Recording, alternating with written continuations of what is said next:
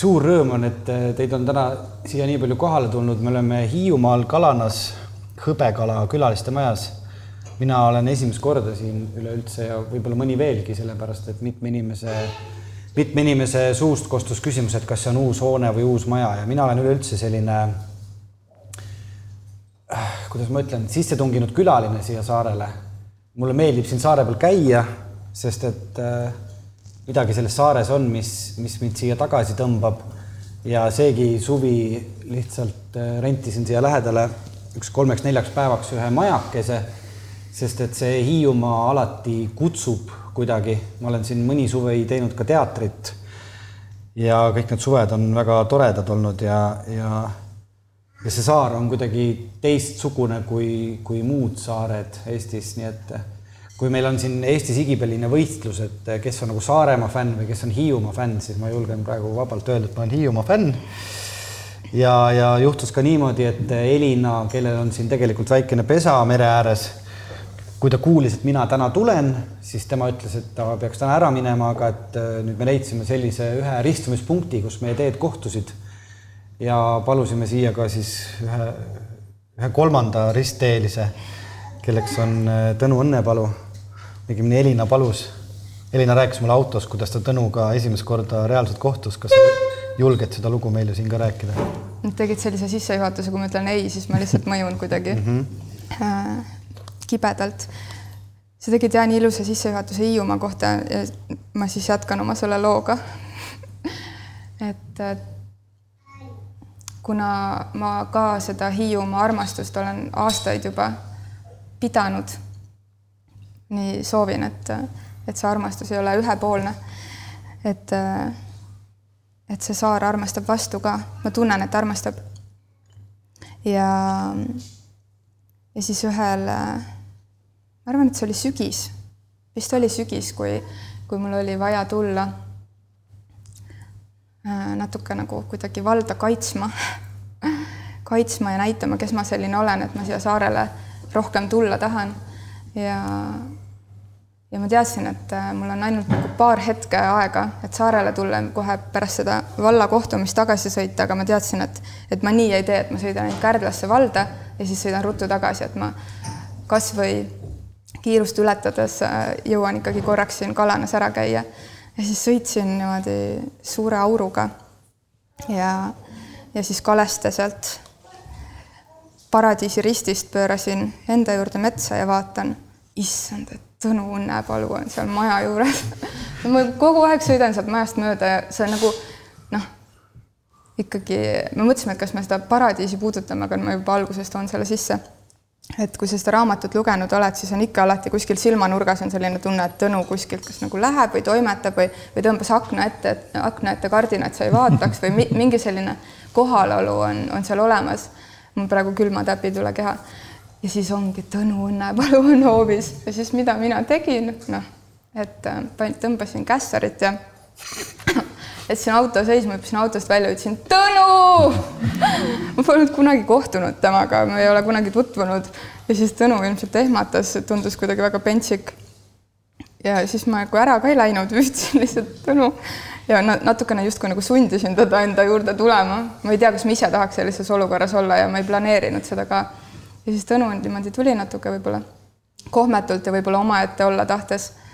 ja siis ma kuidagi seal vuristasime, et meil on ühine tuttav Mait Joorits ja nüüd, et mina olen see tema sõbranna ja siis, et nagu, et ma olen nüüd ta-ta-ta, no see kõik oli väga veider, igatahes siis me kohtusime ja nüüd, kui ma helistasin, et äh, küsida, kas sa tahaksid tulla meiega vestlema, siis ma ka meenutasin ennast läbi selle jabura loo ja ma loodan, et ühel hetkel, Tõnu, meil on veel erinevaid hetki, mille järgi üksteist meenutada, aga las see jääda siis üks nendeks, nendest.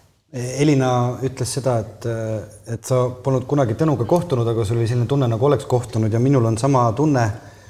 kas Tõnu on niimoodi, et inimesed tulevad sinuga, täiesti võõrad inimesed rääkima ja nagu nad oleks sinuga ammu tuttavad ja sinuga kohtunud ja räägivad, nad on lugenud su raamatuid ja ja see tekitab sinus mingisuguseid tundeid ja seda tuleb ette.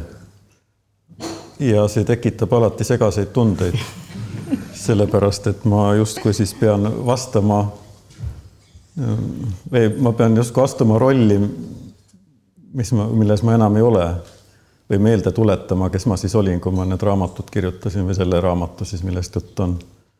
et äh, mul endal nende raamatutega on selline suhe, et kui nad on valmis, siis, siis nad jäävad kuidagi minust maha. ja, ja mul on tihtipeale nagu raske nende eest vastust anda, aga noh, ma olen õppinud ja kohanenud ja siis ikka kuidagi siis sädistan ja, ja, ja naeratan ja, ja kiidan takka ja, et ja, ja, ja noh.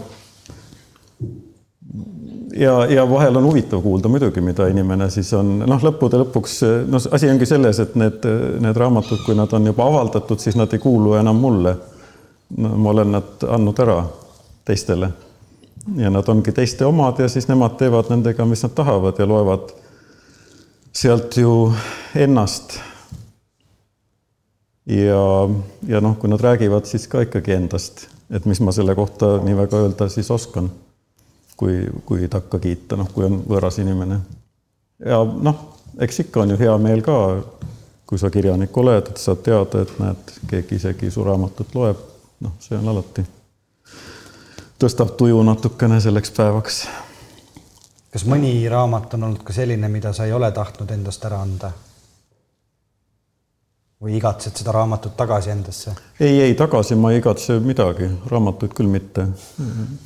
ei, sellepärast et nad on noh, seni kui ma teen seda raamatut, siis ta ongi minuga ja siis ta ei kuulu mitte kellelegi teisele, keegi ei teagi, mis see on ja siis see on mulle kõik ilmatu tähtis ja see on väga isiklik ja see on, see on väga huvitav.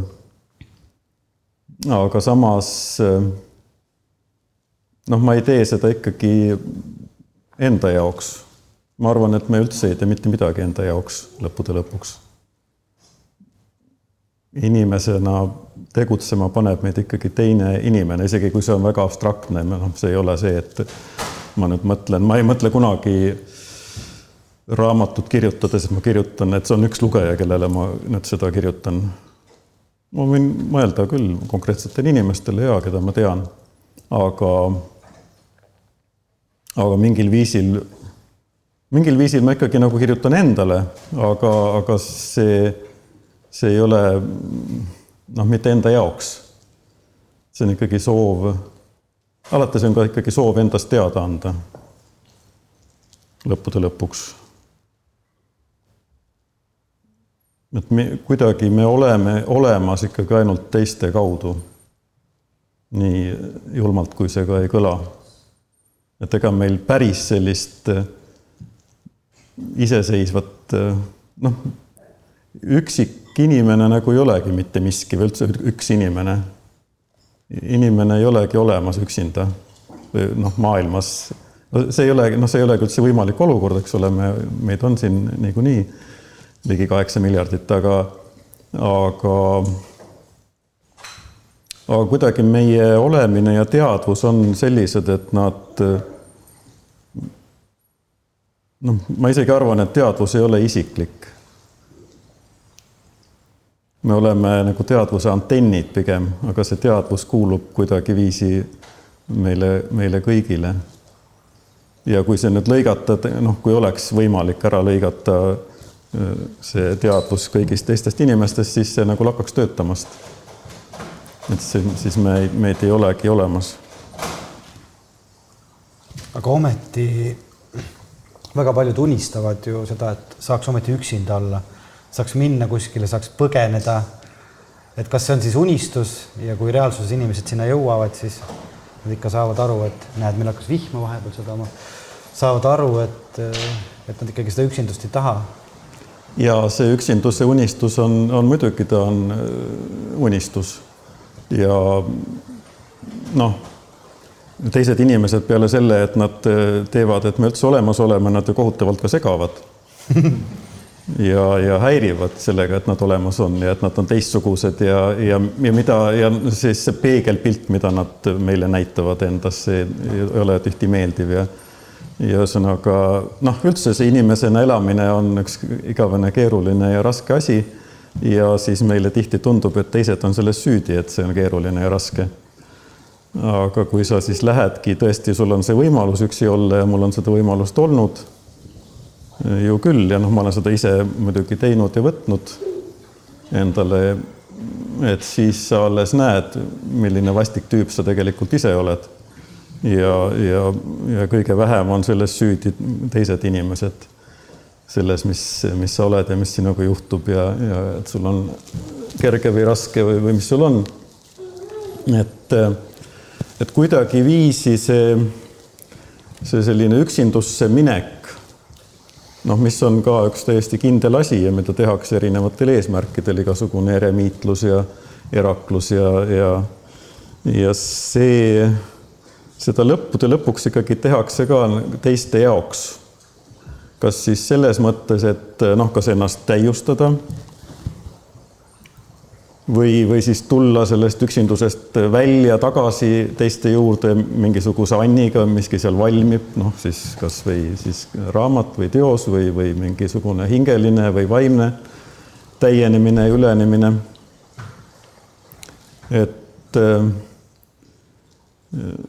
noh on teada ju näiteks äh, vanast ajast, äh, kui, kui esimestel sajanditel tekkis Egiptuses see eremiitide või kõrbeenerakute niisugune liikumine või noh, see kuidagi läks, läks moodi, et üks ja teine mees läks selle kõrbesse ja, ja siis oli seal, kes oli samba otsas, seisis ja kes oli niisama, siis, siis oli, sellega tekkis niisugune probleem, et nende eremiitide ümber hakkas kogunema rahvast ja see tegi riigivõimudele peavalu, see oli selline nagu korra rikkumine juba, sinna tekkisid mingisugused rahvakogunemised ja noh, need, need, need erakud muutusid justkui õpetajateks ja ja siis noh, kuskil kõrbes ka ei tea, mida see, mida nad seal õpetavad ja et see kõik läks nagu käest ära.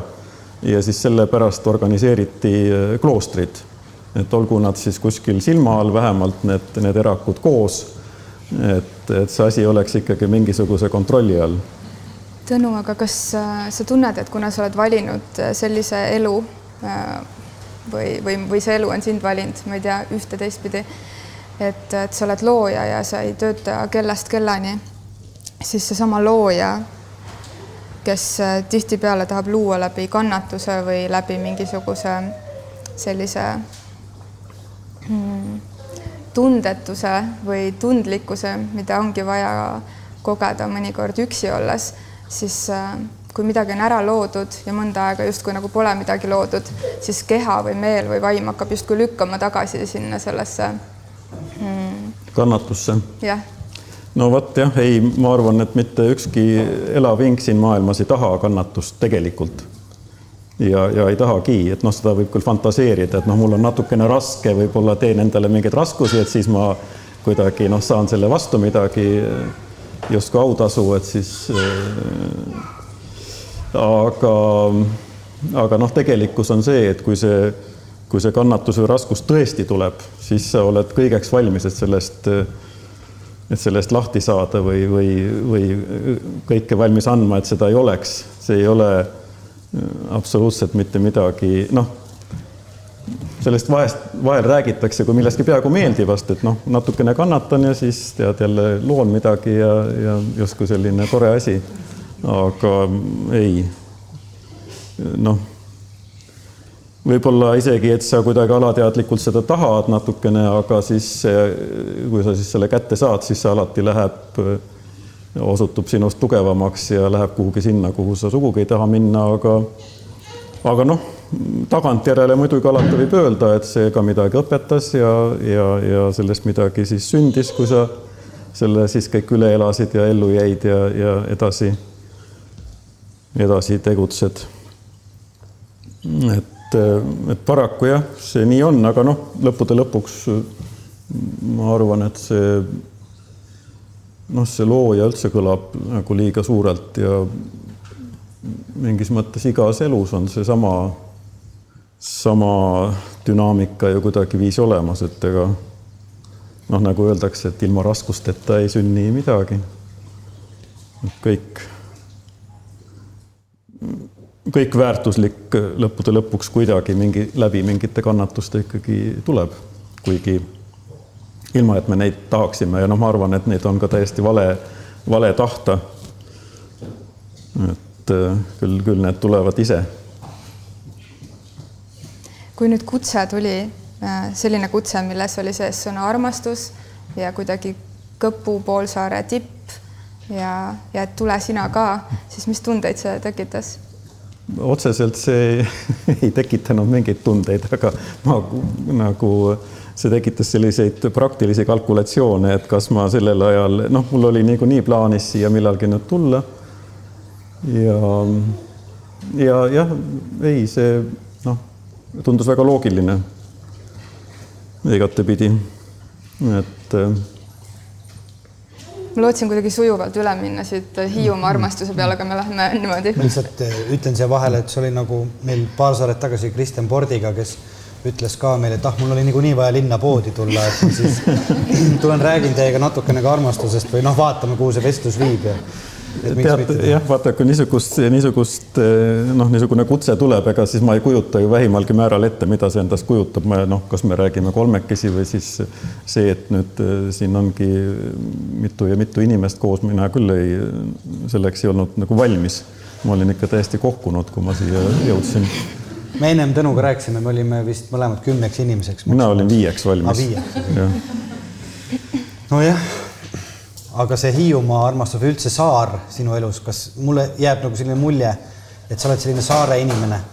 ma otsin, otsin saari, jah. mis nendes saartes on, mis sind tõmbab või mida oh, sa otsid oh,? ma ei tea. mida, mida rohkem ma, mida rohkem ma neid mööda käin või, või, või elan, seda vähem ma tean, ei. aga noh, see Hiiumaa on muidugi vana lugu ja siin ma just täna arvutasin, et kolmkümmend viis aastat saab täis siin seega seda, seda saagat siin, siin Hiiumaal. minul, kuigi ma ei ole siin kogu aeg lakkamatult olnud, aga, aga noh, ta on ikkagi nii, nii äh, tähtsaks kohaks kujunenud kuidagi algusest peale. no ma olin siis ju ikkagi nii noor, kui ma siia tulin ja kõik see kui armastusest rääkida, noh, need on niisugused esimese armastuse ajad kuidagiviisi, et see, see kujundab sind selleks, kes sa oled, ega seda uuesti enam teha ei saa ega teises kohas. sa ühes äh, ammuses-ammuses jutusaates saartest ütlesid, et saartele satuvad need inimesed, kes äh, tahavad ennast leida. kas, kas ikka on seesama tunne? et sellepärast inimesed lähevad saartele, et iseennast üles leida. no ma ei räägi nüüd nendest, kes on siin sündinud ja siin mhm. olnud ju just neid. ja see on, see on kindlasti väga erinev, on, kas noh, ongi kaks võimalust ju saarele sattuda, kas sa sünnid siia või sa tuled siia. Noh, muidugi on ka võimalus, et tuuakse, kui sa oled veel oled veel selles eas, et sind kaasa võetakse ja tuuakse. aga, aga muidu on, on jah, aga need on, ongi ongi väga erinevad, noh, ma olen tähele pannud, et kes on saarel sündinud, neid enamasti ikka mingil eluhetkel eh, haarab kutse siit ära minna ja teisi kohti ja, ja linnu ja saari avastada, aga aga noh, minu jaoks oli koht, kuhu, kuhu tulla või mille ma ise avastasin, see oli justkui noh, kuidagiviisi nagu üks teine sündimine, et üks on see, kui sa sünnid siia maailma ja siis hakkad kasvama ja ja, ja noh, esialgu ei sõltu sinust eriti ju midagi, sa lihtsalt kuhugi, kuhugi sünnid ja kuskil kasvad ja on sinu vanemad ja kodu ja ja kuni siis sa iseseisvud. ja siis justkui pead nagu uuesti sündima siis kelle, selleks, kes sa tõesti oled või avastama, mis sa siis oled, senimaani teised ütlesid, mis sa, mis sa oled rohkem. ja minu jaoks pärast ülikooli ma siia tulin ja, ja noh, ma ei tea, võib-olla, võib-olla lihtsalt see, et need jubedad koolid said kõik läbi lõpuks. ja ma sain nagu ise kuidagi mõtlema hakata, mis, mis ma siis tahan või mis ma olen või, või see oli mingisugune, ma mäletan nii konkreetselt lihtsalt seda hetke, ühte kevadist õhtut Reigi pastoraadi trepil, kui ma äkki nagu tundsin, et ma, et ahah, see, see olengi siis mina. Ja mingil viisil see, noh, ma mäletan seda ja see, see tunne ei ole mind sellest saadik maha jätnud. või mingi selline, noh, et ma olen olemas või, või noh, ma ütlen, et see, ma nimetan seda nagu sündimiseks, no see ei olnud midagi dramaatilist, aga lihtsalt see oli üks äratundmine. ja kuna see juhtus siin, selle saare peal, siis see on noh, seda ei saa nagu tühjaks teha enam miski nii nagu kui sa oled kedagi armastanud ja tuli siis sellest midagi või ei tulnud või, või mis sellest sai ja noh, üldiselt sai palju äh, kannatust ja valu enamasti, siis see on ka miski, mida ei saa, noh, mis ei kordu kunagi ja mis, mis sind ikkagi vormib. see armastus on see, mis meid, mis meid lõppude lõpuks vormib ja mis üleüldse midagi teeb siin ilmas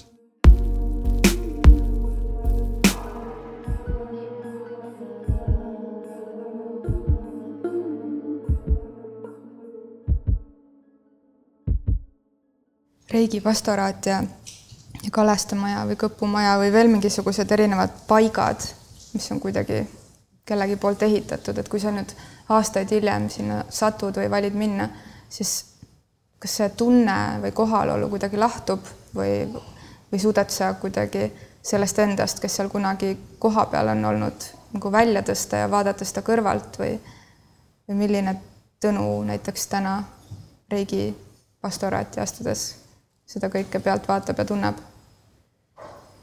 ja see on nii alati nii vastuoluline või, või noh, ühtepidi see kõik on kadunud, sa lähed sinna vanasse kohta ja näed, et seal mitte midagi enam ei ole. aga noh, samas justkui kuskilt nurga tagant ikkagi piiluks see, see kunagine või miski, miski alati tuleb meelde jah, jah, ja, ja ja miski ikkagi tõmbab nendesse vanadesse kohtadesse, mingisugused tunded. võib-olla miski, mis seal jäi olemata, mis seal jäi lahendamata, mis võib-olla jääbki lahendamata, aga, aga ja noh, see, see koht ja paik, millest sa nüüd räägid ja millest ma siis kunagi selle raamatu Paradiis kirjutasin, see muidugi noh, ta jäi kuidagi mu elus nii tähtsaks jah sest ma olin seal päris kaua, ma ei olegi kuskil nii kaua vastu pidanud pärast enam. ega üldse kusagil nii kaua elanud, kui noh, peale vanemate kodu siis kunagi lapsena. aga see oli nagu paratamatus. et jaa, ma lapsena ma tahtsin väga kodust ära saada, aga ei saanud ju. See oli kuidagi hirmus ootamine, et millal ükskord ometi saab minema siit mulle meeldis kodus ja kõik, kõik nii, aga, aga, aga noh, lapsena sa ei saa ju minna, kuhu sa tahad, sind viiakse, tuuakse või noh, äärmisel juhul lubatakse kuskile minna, aga. kuhu sa kõige rohkem minna tahtsid lapsena? ei, mul ei olnudki mingisuguseid, noh, olid muidugi mingisugused kujutelmad kohtadest, aga, aga just see, et üldse kuhugi minna kodust ära, noh, kui me ka kuhugi sõitsime maale tädi juurde, see oli tohutu ülemaailmne sündmus aasta jooksul. Et, et sai ja seda sai oodata ja sellest sai pärast mõelda ja ja see oli nii huvitav. ma ei tea, võib-olla see kõigil ei ole nii, võib-olla, võib-olla, võib-olla see on midagi noh, mõnedele inimestele omast, et see, see niisugune äramineku kihk ja tuhin, sest lõppude lõpuks, kus, kuhu sul siis minna on siit?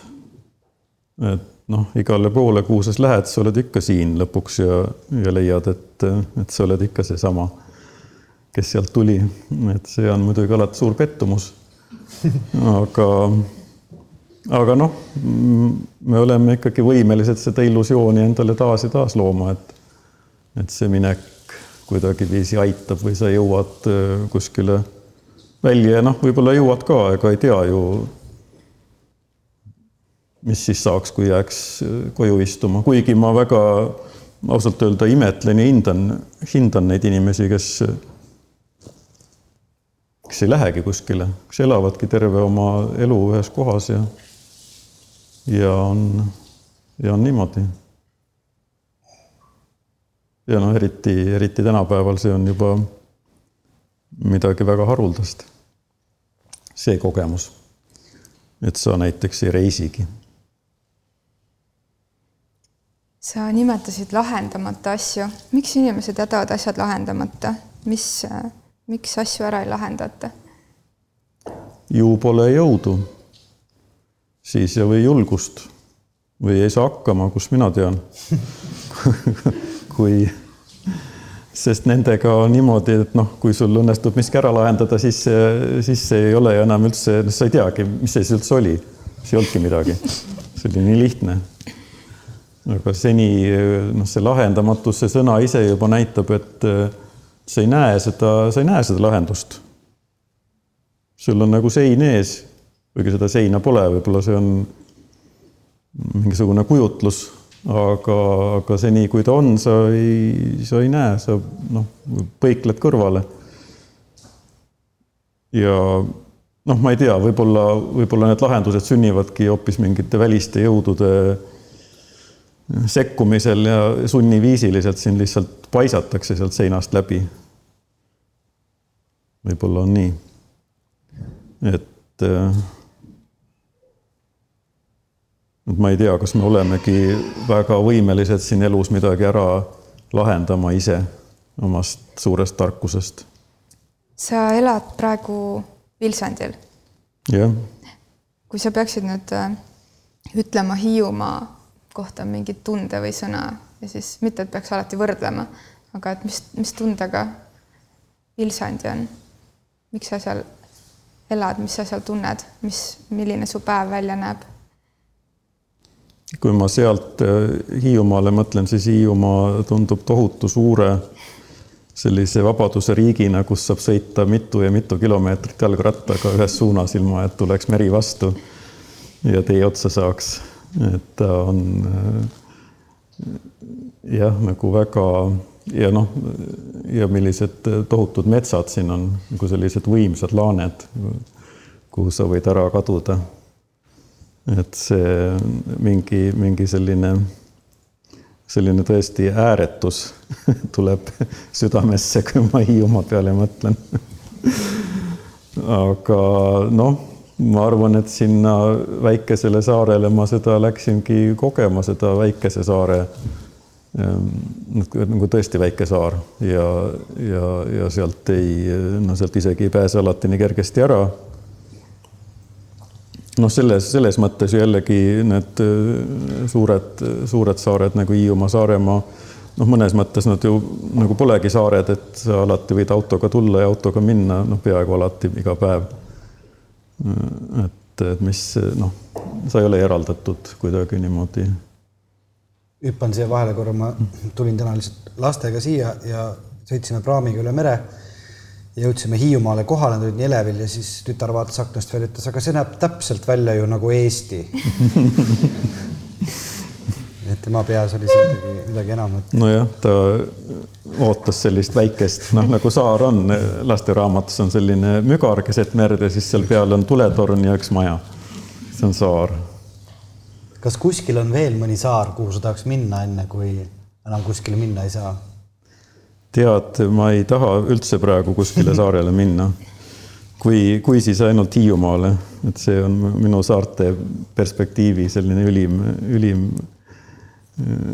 ülim võimalus praegu, et ma kuidagi, ei, ma väiksem, väiksemat, väiksemast saarest ei, praegusel hetkel ei, ei unista kuigi ma pean ütlema, et see Vilsandi tundus alguses noh, ütleme üks aasta aega ikkagi väga suurena et ega ta nüüd nii väike ka ei ole. et mingi, aga, aga huvitav on jah see, et ikkagi see, see päris väikese saare elu, et seal on mingid täiesti teised äh, asjad, mida tegelikult üldse ette ei kujuta. mina ka ei kujutanud, ma arvasin, et ma olen selleks kõigeks valmis ja oh, ma olen ju kõik igasugu metsakolgastes elanud ja et mis seal siis vahet on aga huvitaval kombel see, et see maatükk on ikkagi niimoodi eraldatud mere sees ja seal siis elab veel, veel mõned inimesed koos sinuga, et ta, ta on ikka natuke nagu mingi laev või selline nagu noh, mingi selline suletuse asi on seal ja piiratuse. mis noh, mis ei mõju muidugi mitte tingimata ainult üldse halvasti, vaid see on, võib ka olla väga hea ja viljakas, ega hea on ennast piirata ju ka vahetevahel. ja noh, kui ise ei suuda, siis on hea, kui mingid välised piirajad piiravad. et see ei ole, see ei ole sugugi halb. aga see ei ole ka kerge, nende saartega võib-olla üldse on veel üks niisugune asi, et nad noh, miks nad tõmbavad, võib-olla on ka see, et et nad kuidagi võimendavad, ma ei tea, kas kas jällegi see piiratud ruum või miski, miski, miski, miski energia, mis neil on, see meri seal ümber, aga, aga et võimendab ja kui ta võimendab äh, head, siis on see eufooria ja nagu sa oled mingisuguses äh, õndsuses.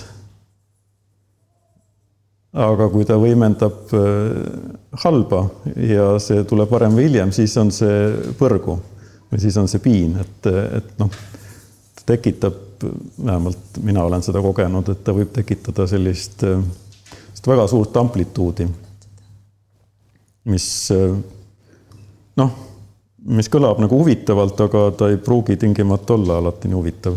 No siis on huvitav, kui sa sinna üles lendad, siis tundub kõik väga kerge ja, ja, ja üleüldse mingeid probleeme ei ole maailmas olemas enam, sest et noh, mis seal siis on?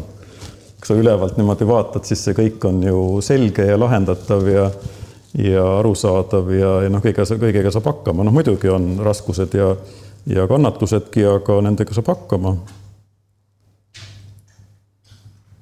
aga kui sa kukud sinna alla, siis, siis, siis tundub, et mitte millegagi ei saa hakkama, et sa oled täiesti abitu. et need saared, saared on kahtlemata väga ohtlikud hoiatan kõiki saarte eest mis sinu jaoks see miski on, mis sind äh, keskmes hoiab või kas, kas sa üldse pead seda oluliseks, et kui sa praegu räägid ka pendeldamisest üles ja alla, et kas sul on mingi oma, oma see miski, mingisugune distsipliin, kas see on kirjutamine, kas sa lähed kuidagi mingi teatud rajale kõndima, kas sa teed mingit hingamist, kas sa jood mingisugust kindlat taime, kas sa seisad pea peal, mis sind keskmesse toob? Tead peaaegu kõik need asjad, mida sa kirjeldad peale pea peal seismise, mis mul ei tule väga hästi välja ja mida ma ei ole, noh, see on võib-olla veel, veel asi, mida katsetada. sest kunagi ei maksa nagu midagi ära põlata. et üleüldiselt elus on minu meelest nii, et, et no midagi ei maksa ära põlata, mis natukene aitab, sest kõik aitabki natukene. aga, aga see natukene ei ole mitte natukene, vaid see ongi päris palju või noh, see on kõige rohkem, mis saab olla ja lõppude lõpuks noh, ei aita ju miski, aga, aga kuidagi peab hakkama saama. et, et selles mõttes muidugi kõik see distsipliin ja rutiin ja, ja samas ka selle vastand, noh, seda selle, selle, sellesama noh, niisuguse noh, eriti, eriti kui sa noh, elad üksi ja, ja siis on see töö on veel selline nagu kirjutamine, et siis, siis ilma selle, selle distsipliinita just nagu ei saa ja noh, ei saagi. siis läheb see asi kõik täiesti käest ära, aga noh, samas sellest, sellest noh, sa ei teegi midagi lihtsalt. sellepärast, et saab ju alati teha veel tund aega hiljem. aga ja noh, vahel see läheb nii kenasti tööle, see, see, see distsipliin ja, ja päevakava ja, ja kõik see on, on väga viljakas, aga siis ma ei tea, miks see inimese elus on nii, et nagu asjad muutuvad vahetevahel iseenda vastandiks, et, et siis ta muutub ühel hetkel justkui nagu rutiiniks. ta veel töötab küll ja noh, sa võiksidki elu lõpuni niimoodi elada, aga aga äkki see on justkui vastik ja, ja nagu ei vii enam kuhugi, siis, siis ei teagi, mis teha, kas siis nüüd teha mingeid meeletusi, rikkuda oma distsipliini? Et noh, ei tea jah, mis see meeletus sinu jaoks on, kas see Vilsandile kolimine oli meeletu? See oli kahtlemata ka üks meeletus jah. ja jah, mingis mõttes, no ausalt öelda, siis ei tundunud üldse meeletusena. vaata meeletustega ongi nii, et noh, ma mõtlen, oo, ma nüüd teen meeletuse, siis sa teed midagi tühist, aga mis sa siis ikka teed aga meeletusi, tõelisi meeletusi ikkagi tehakse täiesti külma peaga või noh, enda arvates külma peaga, et ma nüüd tead, teen midagi väga mõistlikku, tarka, kasulikku ja, ja noh, üldse kõige normaalsem, mida teha saab. ja siis teeb inimene meeletuse. No noh, tähendab, võib-olla see ongi mõistlik, tark ja kasulik, aga noh, mingist sellisest normaalsuse vaatepunktist vaadates või praktilisuse ja eluga hakkama saamise vaatepunktist vaadates on see ikkagi meeletus ja äärmiselt ebapraktiline samm. aga aga noh, ma ei tea, ega muidu ju kah see elu, see kuulub kuidagi elu, elu kui niisuguse üldse inimese elu muidugi ka omaduste hulka, see noh, see teatav meeletus, ühesõnaga see tegelikult see kontrollimatus. tegelikult me ei tea ju mitte midagi, me, me, me mängime nagu täringuid või mängime õnnemängu, me teeme panuseid millelegi ega me ei tea, mis selle tulemus on iialgi ette. ükskõik mis eluotsustest, need võivad noh, võivad tuua midagi väga head, väga halba ja üldiselt noh, enamasti toovad mõlemat, aga aga, aga, aga midagi kindlat siin ei ole, ükskõik kui noh, kui kui väga ratsionaalsed need valikud ka ei tundu, et ma valin mingi tasuva töökoha või, või hea elukoha ja nii edasi, teen hea investeeringu. no kõik võib juhtuda ju, eks ole. kes me, kes me siin juba natukene aega elanud oleme, igasugu asju näinud, siis ongi ju juhtunud igasugu asju selliste väga-väga nagu mõistlike otsustega. et nad mingil hetkel ei ole üldse mõistlikud, aga aga jah, kuidagi nagu elu ise nõuab, et me neid panuseid teeksime, kui me ei tee, siis jällegi tuleb mingisugune, see on nagu suremine siis. ja, ja eriti, eriti selles loomingus, noh, mingis mõttes ega see looming ei ole, loo-, mis looming ta ikka on, ta on ka nagu elu, lihtsalt on mingi kuidagiviisi nagu selline elu kontsentraat või et sellised elu, eluseaduspärasused seal ilmnevad väga selgelt. ja, ja selles loomingus või kunstis, ütleme, on äh, niimoodi, et et panused peavad olema kõrged või no õigupoolest äh, kõik. et see, mida vastu võetakse sellel mängulaual, see ongi elu, kogu su elu, see on see, mis sa, mille sa saad sinna visata sinna ruletilauale, muud, muud ei aktsepteerita, väiksemaid panuseid. ja siis ta teeb kõrdi, see, see ratas ja, ja siis noh, enamasti sealt muidugi tuleb null. ja vahel siis tuleb midagi muud. aga siia mängu me oleme sattunud ja kuidagiviisi ja, ja nii ta, nii ta on ma kuulen kibestumist su mingisugustes lausetes ja selles, et, et see tuleb null. et kui pool siit saalist, kes ei ole nii suure elukogemusega, me ütleks, et noh, enamasti tuleb midagi muud ja mõnikord tuleb null, siis kas sa, siis kas sa vaataksid meid naiivselt, et me pole elu näinudki või, või, või mis? ma arvan, et eks see oleneb sellest võidu lootusest, kui, kui sa väiksemate panuste peale mündiautomaadil mängides tuleb sagedamini võitusid vist. no see on niisugune tõenäosusteoorialik äh, lähenemine. et ähm, ähm, noh, see elu kasutegur ei, ega ta ei saagi väga suur olla. äh, minu meelest äh, nagu suurusjärgus kaks protsenti või, või niimoodi. Et, et noh, see on isegi hästi see, et, et alati ei ole null, see on ju väga hästi. et seal on ka teine võimalus. ja noh, millegipärast me oleme ka niisugused, et, et noh, see null tuleb, aga ja siis, siis me oleme korraks muidugi maas ja meeleheitel ja, ja kõik on läbi, aga ajame ennast jälle püsti ja, ja kogume ja ja, ja mingi noh, no see elu, elukogemus jah, ühtepidi ütleb küll seda, et ta enamasti on null, aga teistpidi ta ütleb seda, et ta vahel ju ka pole olnud null ja neid kordi on rohkem kui kaks. et, et kuidagi ta õpetab ka lootma.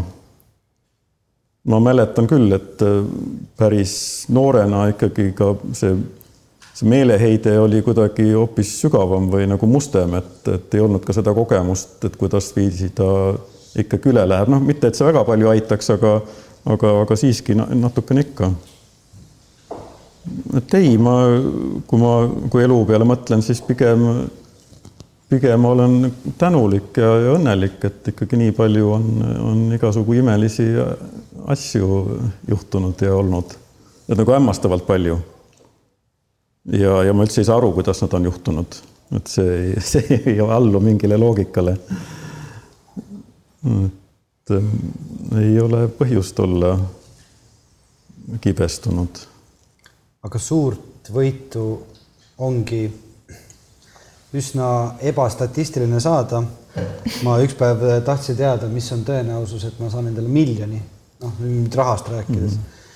Siis tõenäosus, et ma saan miljoni, on palju väiksem kui see, et ma saan pühakuks või suren hai hammustuse läbi et äh, ma pigem mõtlesin, et ma jään siis ootama seda, kuni ma pühakuks saan. miljonit ei tule, aga rääkides loomingust ja rääkides et see on elu ja see on kontsentraat, sul on pikemat aega üks punaste kaantega raamat olnud käes ja sa olid äh, nii lahke ja ütlesid, et sa võiks meile midagi ette lugeda. kas, kas nüüd on tekkinud see tunne, et praegu on see hetk, võiks mõned sõnad lugeda? jah, mul tuli veel üks mõte sellega seoses, mis jah, sa jah. nüüd rääkisid, see. räägi, räägi. seesama, see võit jah mm. -hmm jaa, et eh, noh, see võidu ootus on muidugi mingis mõttes lapsik. selles, sest kokkuvõttes elu on muidugi kaotus.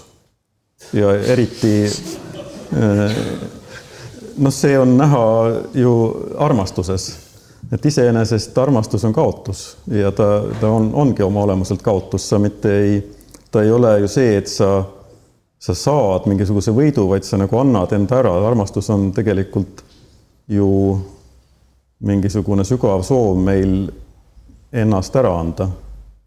tegelikult nagu kaotada, mitte, mitte võita. et see lõplik võit on kokkuvõttes ikkagi äh,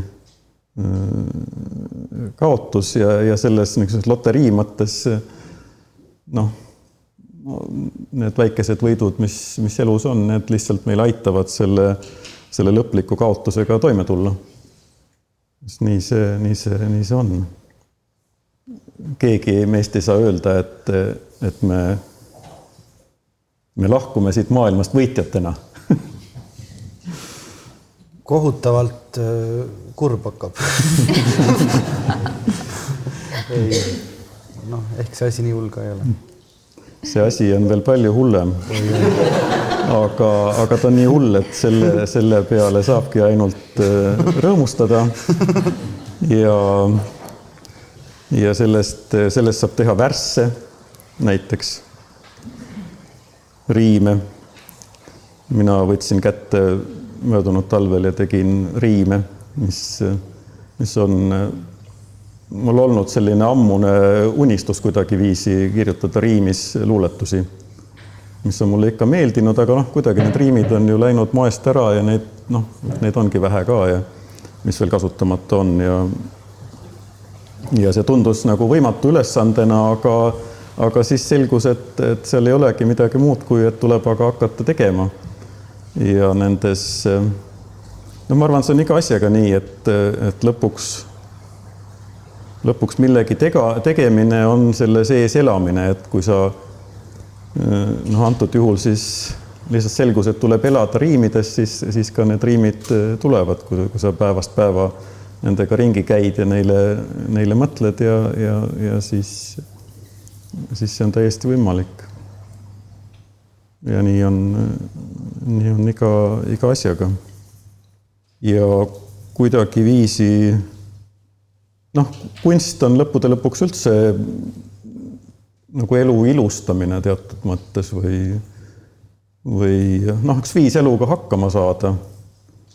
mingisuguste natuke, natukene sellist ilu ja rõõmu siia juurde tuua. ja, ja kui, kui sellesse, sellesse valusse ja kaotusesse, mis paratamatult olemas on, kui sinna natukene seda rõõmu oskad sisse tilgutada, ega siis ju ei olegi see asi üldse nii hull. ja vastupidi, ta võib olla isegi, isegi ilus. ja, ja kui hakkab väga kurb, nagu sa ütlesid, no las siis hakkab, siis lasegi hakata kohe väga-väga-väga-väga kurb. kohe nii kurb, et enam kurvem olla ei saa ja, ja siis paratamatult sa jõuad sealt välja teisele poole, kus on väga rõõmus ja ma, ma ausalt öelda ei usu, et sinna teisele poole üldse teist teed olekski.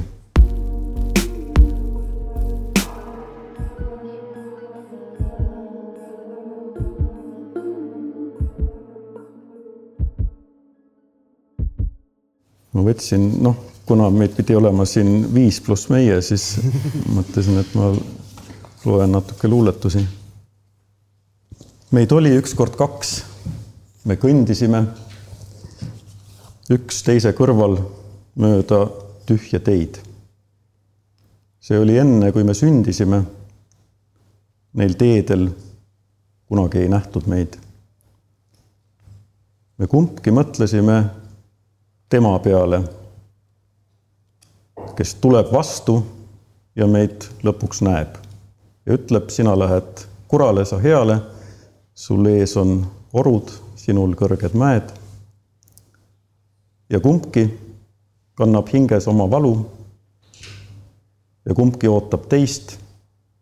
see aeg on pikk. see aeg on elu. palud või ei palu. see ootus pikem on kui igavik. meid oli ükskord kaks.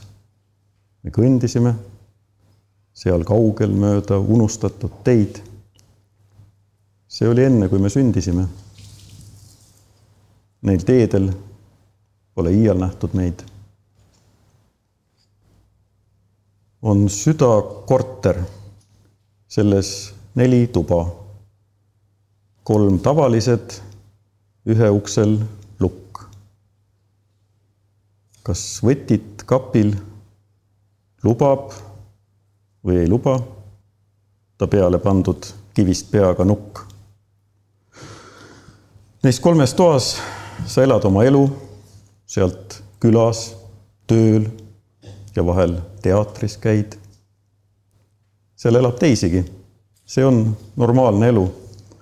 sa koju tulles tihti rõõmus näid. nii aastad lähevad ja asju sigib juurde. Neid täis on riiulid ja nurk ja kapp.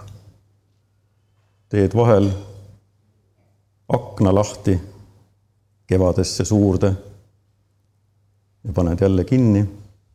aeg on napp. ja mõnikord sa tõstad nuku kapilt, sest pealsele on kogunenud tolm. peab pühkima ka perekonnavapilt, kus ristatud on kuldseid võtmeid kolm,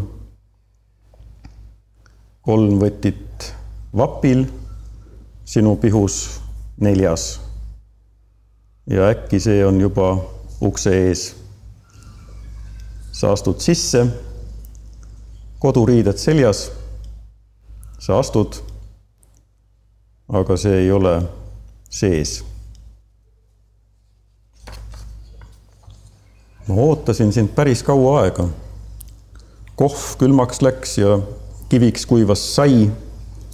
mu ilus tuba kõrge valge laega. öö tulles hämarduvaks koopaks sai. mul olid valmis mõeldud laused, mis ütlen sulle, sina mulle, mis. me vahel oleks olnud kandvaid pause. sa kohvi ikka panid suhkrut vist. see oli kevad, mäletad, see tänav, kus kasvas mitu vibalikku puud me kumbki sinna minna ei saa enam. on talv ja muutunud ka palju muud.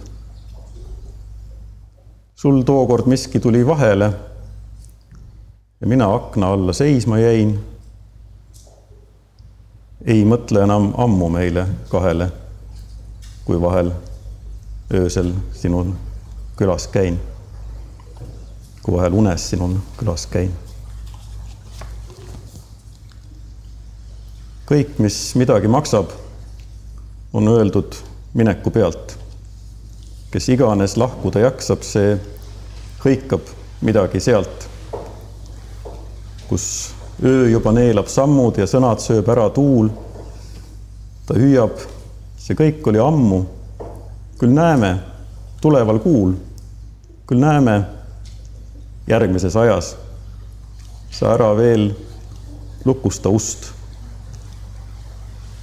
sa palun oota siin majas, kust mina võin teada, kust ma ükskord tagasi tulen ja mis ma sealt tuua võin. las toas seni põleda tuled. kuid taldrik, millelt ma sõin, see ilusti kuivaks pühi ja las ta ootab mind seal. jah, seisku ta seni tühi. kaks punast mooniõit peal kui enam miskit pole teha, siis mine jaluta. vii välja oma tuttav keha, mis siis, et valutab. ehk on see kibe hoopis hinges. sa tee peal seisatad. Te ärge oodake mind, minge. ma katsun heisata siin veel kord selle vana plagu, mis taevasinine ja millel kiri ütleks nagu, et iga inime, et iga inime, mis asja. ei, silm ei seleta. see päike tuli välja äsja, nii väga eretab. see taevas enne koitu täis on tähti just nagu kasvaks seal üks hiigelpuu. ma praegu näen, et hea, mis elus nähti, saab veel kord nähtavaks. su süda truu ja reetlik, sinu, keda iial polnud, su juuresolek ja see kurblik kord, kui ootasid mind ja kui mind ei tulnud, see kevadiste õhtute akord ja selle valu. ei, see ükskord muutub veel rõõmuks, mida kumbki meist ei tea. ja enne luuletuse lõppu puutub meid mõlemaid ja riimib selle rea ja siis kõige viimane. ma olen esimene inimene. ma istun üksi aja kõrgel kaldal. sel jõel ei ole minu keeles nime. ta vool on lihtsalt suur, on valdav. kuid kes see oli, kes siin enne oli? Ja mida õieti ta minust tahtis. kas tema oligi, kes andis voli mul pidada siin aja kaldal vahti? ent miks, oh miks ta rääkis mulle sinust? mu südames ei olnud enne sõnu. nüüd ootangi sind sellest kevadvinust ilmuvat on valu, äkki mõnu. ja tahaks heitagi end sinna jõkke, et kõik, mis tuleb, kunagi ei tuleks. tean ometi, öö tulles süütan lõkke. nüüd alati nii kaua, kui sa tuled? No ma annan äh, sulle tänase päeva väikse võidu, paari võitu annan kätte ära, et päris nulliringi ei tuleks ei, äh, ma just lisaks sellele, et need on väga ilusad luuletused, ma lihtsalt tahtsin sulle öelda, et sa loed väga hästi luuletusi. nii et see on üks minu väike kompliment sulle, sest ma just eile kuskilt tabas ennast mõttelt, et väga vähesed inimesed oskavad iseenda luuletusi lugeda. ja teine nüüd pärast seda Paid mõte, mis mul pähe tuli, on ikkagi see, et, et sa ütlesid küll ennem, et et me kirjutame põhiliselt nagu või et looming ongi nagu elu kirjapanek, aga aga ta on ikkagi ju väga siirupises vormis selles mõttes, mitte nüüd magususe mõttes, vaid kontsentreerituse mõttes. et ikkagi see üks luuletus, see on noh, see ei ole lihtsalt elu, siin sees on mingisugune igatsus, mingisugune valu, mingisugune õnn, mingisugune rõõm ta ei ole elu kirjapanek, ta on elu elamine. Sellisel just nimelt kontsentreeritud äh, kujul. ja, ja noh, see on muidugi kummaline, et siis selleks on vaja mingisugust vormi ja sõnu ja, ja võib-olla riime või mitte riime. et, äh, et see, see kunst jah, et ta korraga on midagi tobedalt kunstlikku ja samas nagu kõige tõelisemat. et ega noh meil justkui ei ole otseteed rääkimiseks nendest, äh, sellest elust ja tõelistest asjadest, no me saame niisama sellest umbes rääkida ja, ja, ja mis on väga ja mis ei peagi võib-olla olema. et ega lõppude lõpuks ongi niisama hea rääkida ja lihtsalt koos olla ja, ja koos elada ja, ja nagu koos sellele elule vastu astuda. et, et ei peagi sellest nii väga rääkima kogu aeg ja, ja kuskile sügavustesse tungima. aga, aga kunst on jah, meile antud või me, meie poolt võetud võimalus, üks võimalus lihtsalt, lihtsalt siin elada ja jah, ma ei tea. et see elu oleks ka peale kõige muu ilusam ja, ja kergem, tegelikult kergem, ikkagi ta noh, minu meelest kunst on ikka selleks, et elu kergem oleks mitte raskem sa oled kuskil öelnud, et, et sa oled mööda lasknud selle võimaluse või kuidagi, et, et teater oleks võinud ka olla midagi, midagi sinu jaoks. ma praegu kuulates mõtlesin, et järgmine kord me võime veel muidugi kohtuda, aga järgmine kord oleks nii tore kohtuda, kui sa oled laval. no olengi laval et täitsa tekivad mingid mõtted, võib-olla ma näen seda silda Vilsandilt mm. mandrile, mandritele või, või tõesti suurematele saartele. et kuidagi mingisugune uus Tõnu ma ei tea, kas su enda jaoks ka? ei, see on ikka hästi vana Tõnu ja mulle on, tähendab, see on miski, mis paraku on mulle lapsest peale meeldinud, see luuletuste ette lugemine. võib-olla see ongi, võib-olla ongi need asjad, mida me nagu päris väiksena teeme ja, ja hakkama saame nendega hästi, et siis need jäävadki, et see, see oli mul, noh, ma ei tea jah, ma jah.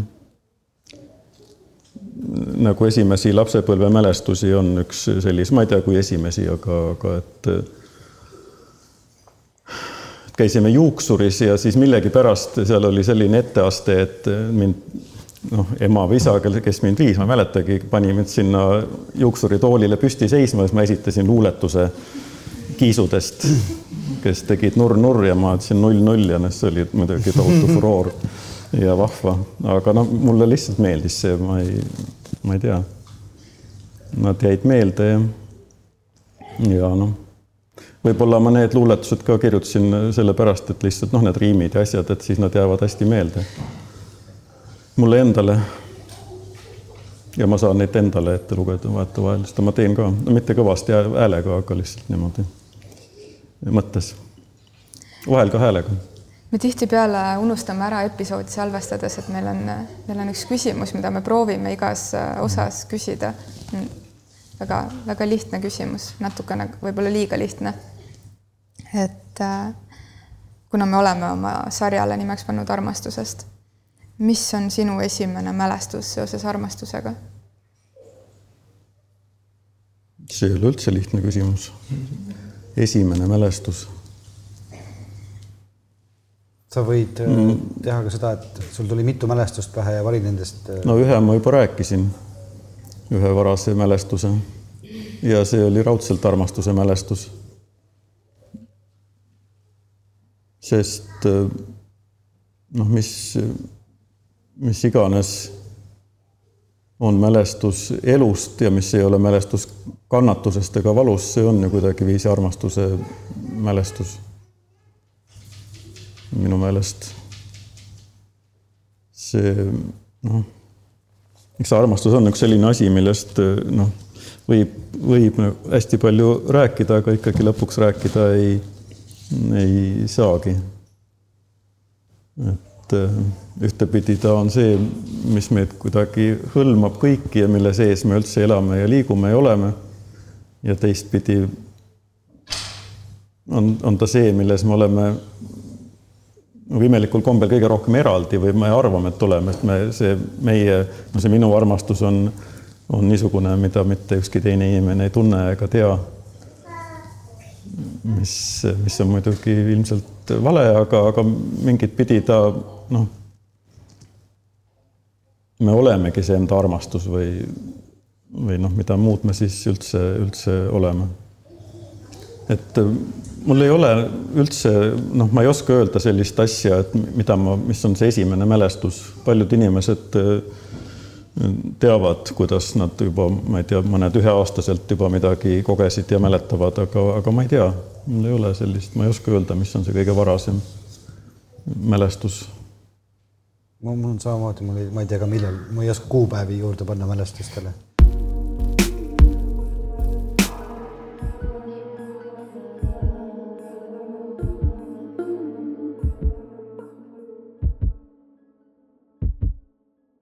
Mul tuli praegu meelde, kuidas me pidime seda salvestust alustama. aa, nüüd on, nüüd me teemegi, me oleme jõudnud salvestuse lõppu ja me hakkame nüüd algust tegema.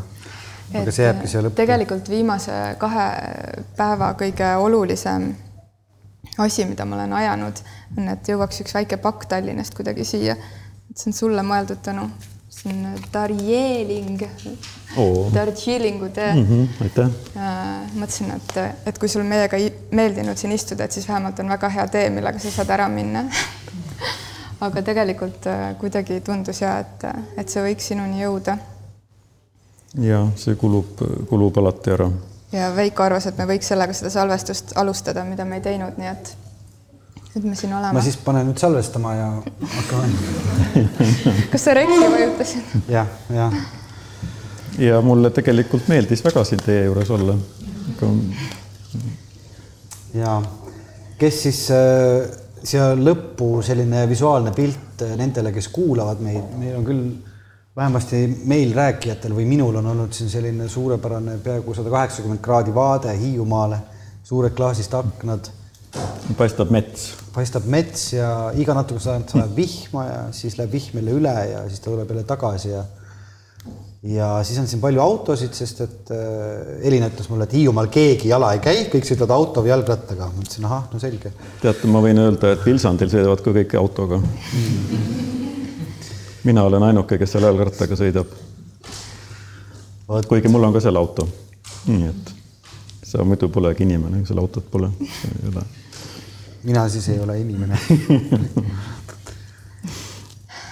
mis sa siia lõppu nüüd siis äh,, igaüks võib äh, öelda midagi, ma luban. igaüks siin saalis mm. -hmm. igaüks võib mõttes öelda või võib kõva häälega öelda, võib pärast äh, tulla ütlema, kui praegu ei julge öelda.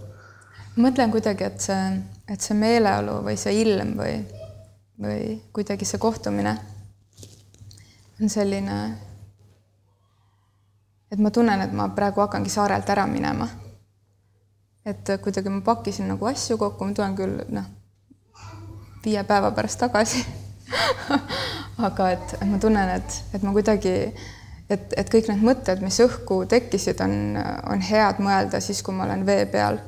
ja praegu ma kohe olen varsti vee peal, suunaga mandri poole. ja ilmselt mõtisklen veel mõnda aega. ma arvan, et nii mõnigi samamoodi.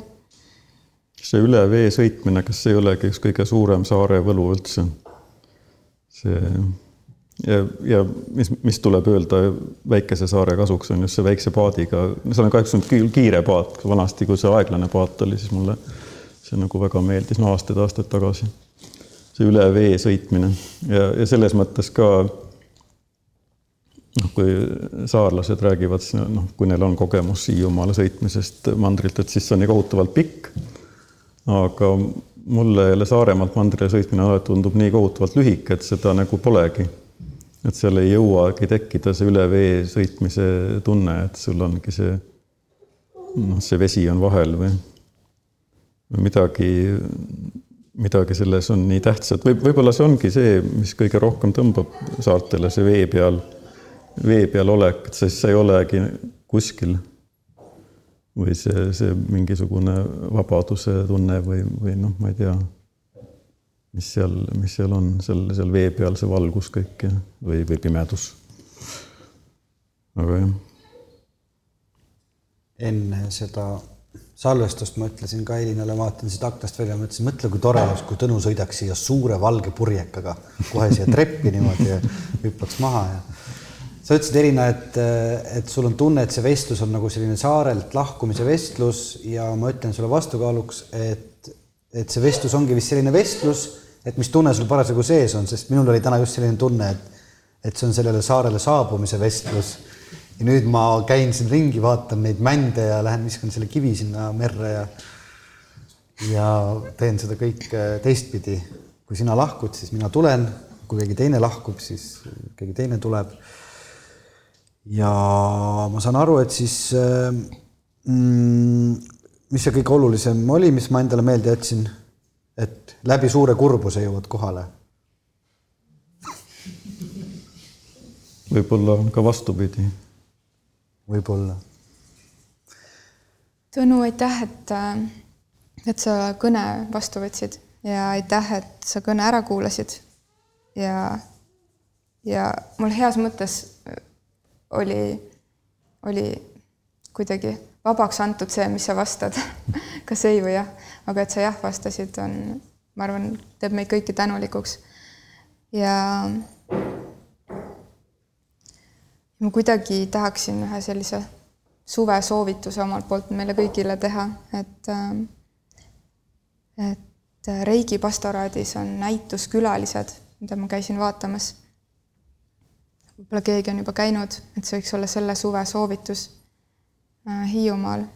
ei ole mitte kuidagi sellega seotud, lihtsalt lummatud. me oleme teinud juba paar episoodi Hiiumaa kuidagi rütmides ja mul on tunne, et et neid äh, Hiiumaa rütmis salvestusi tekib see suvi veel juurde. nii et üks suvine soovitus. Reigi pastoraat käis täna ka jutust läbi, minge vaadake, kuidas ruum, ruum ja eksponaadid ja õhk ja valgus koos mõjuvad. see on väga eriline maja, jah ja, ja kui Tõnu, sa soovid veel midagi siia lõppu öelda, siis me nüüd Veikoga vaikiks. aitäh sulle. ma, ma tsiteerin siit äh, raamatust ühte luuletuse lõppu, kus seisab, et äh, ei lõpusõnadesse panda enam komasid ja punktigi vist harva. aitäh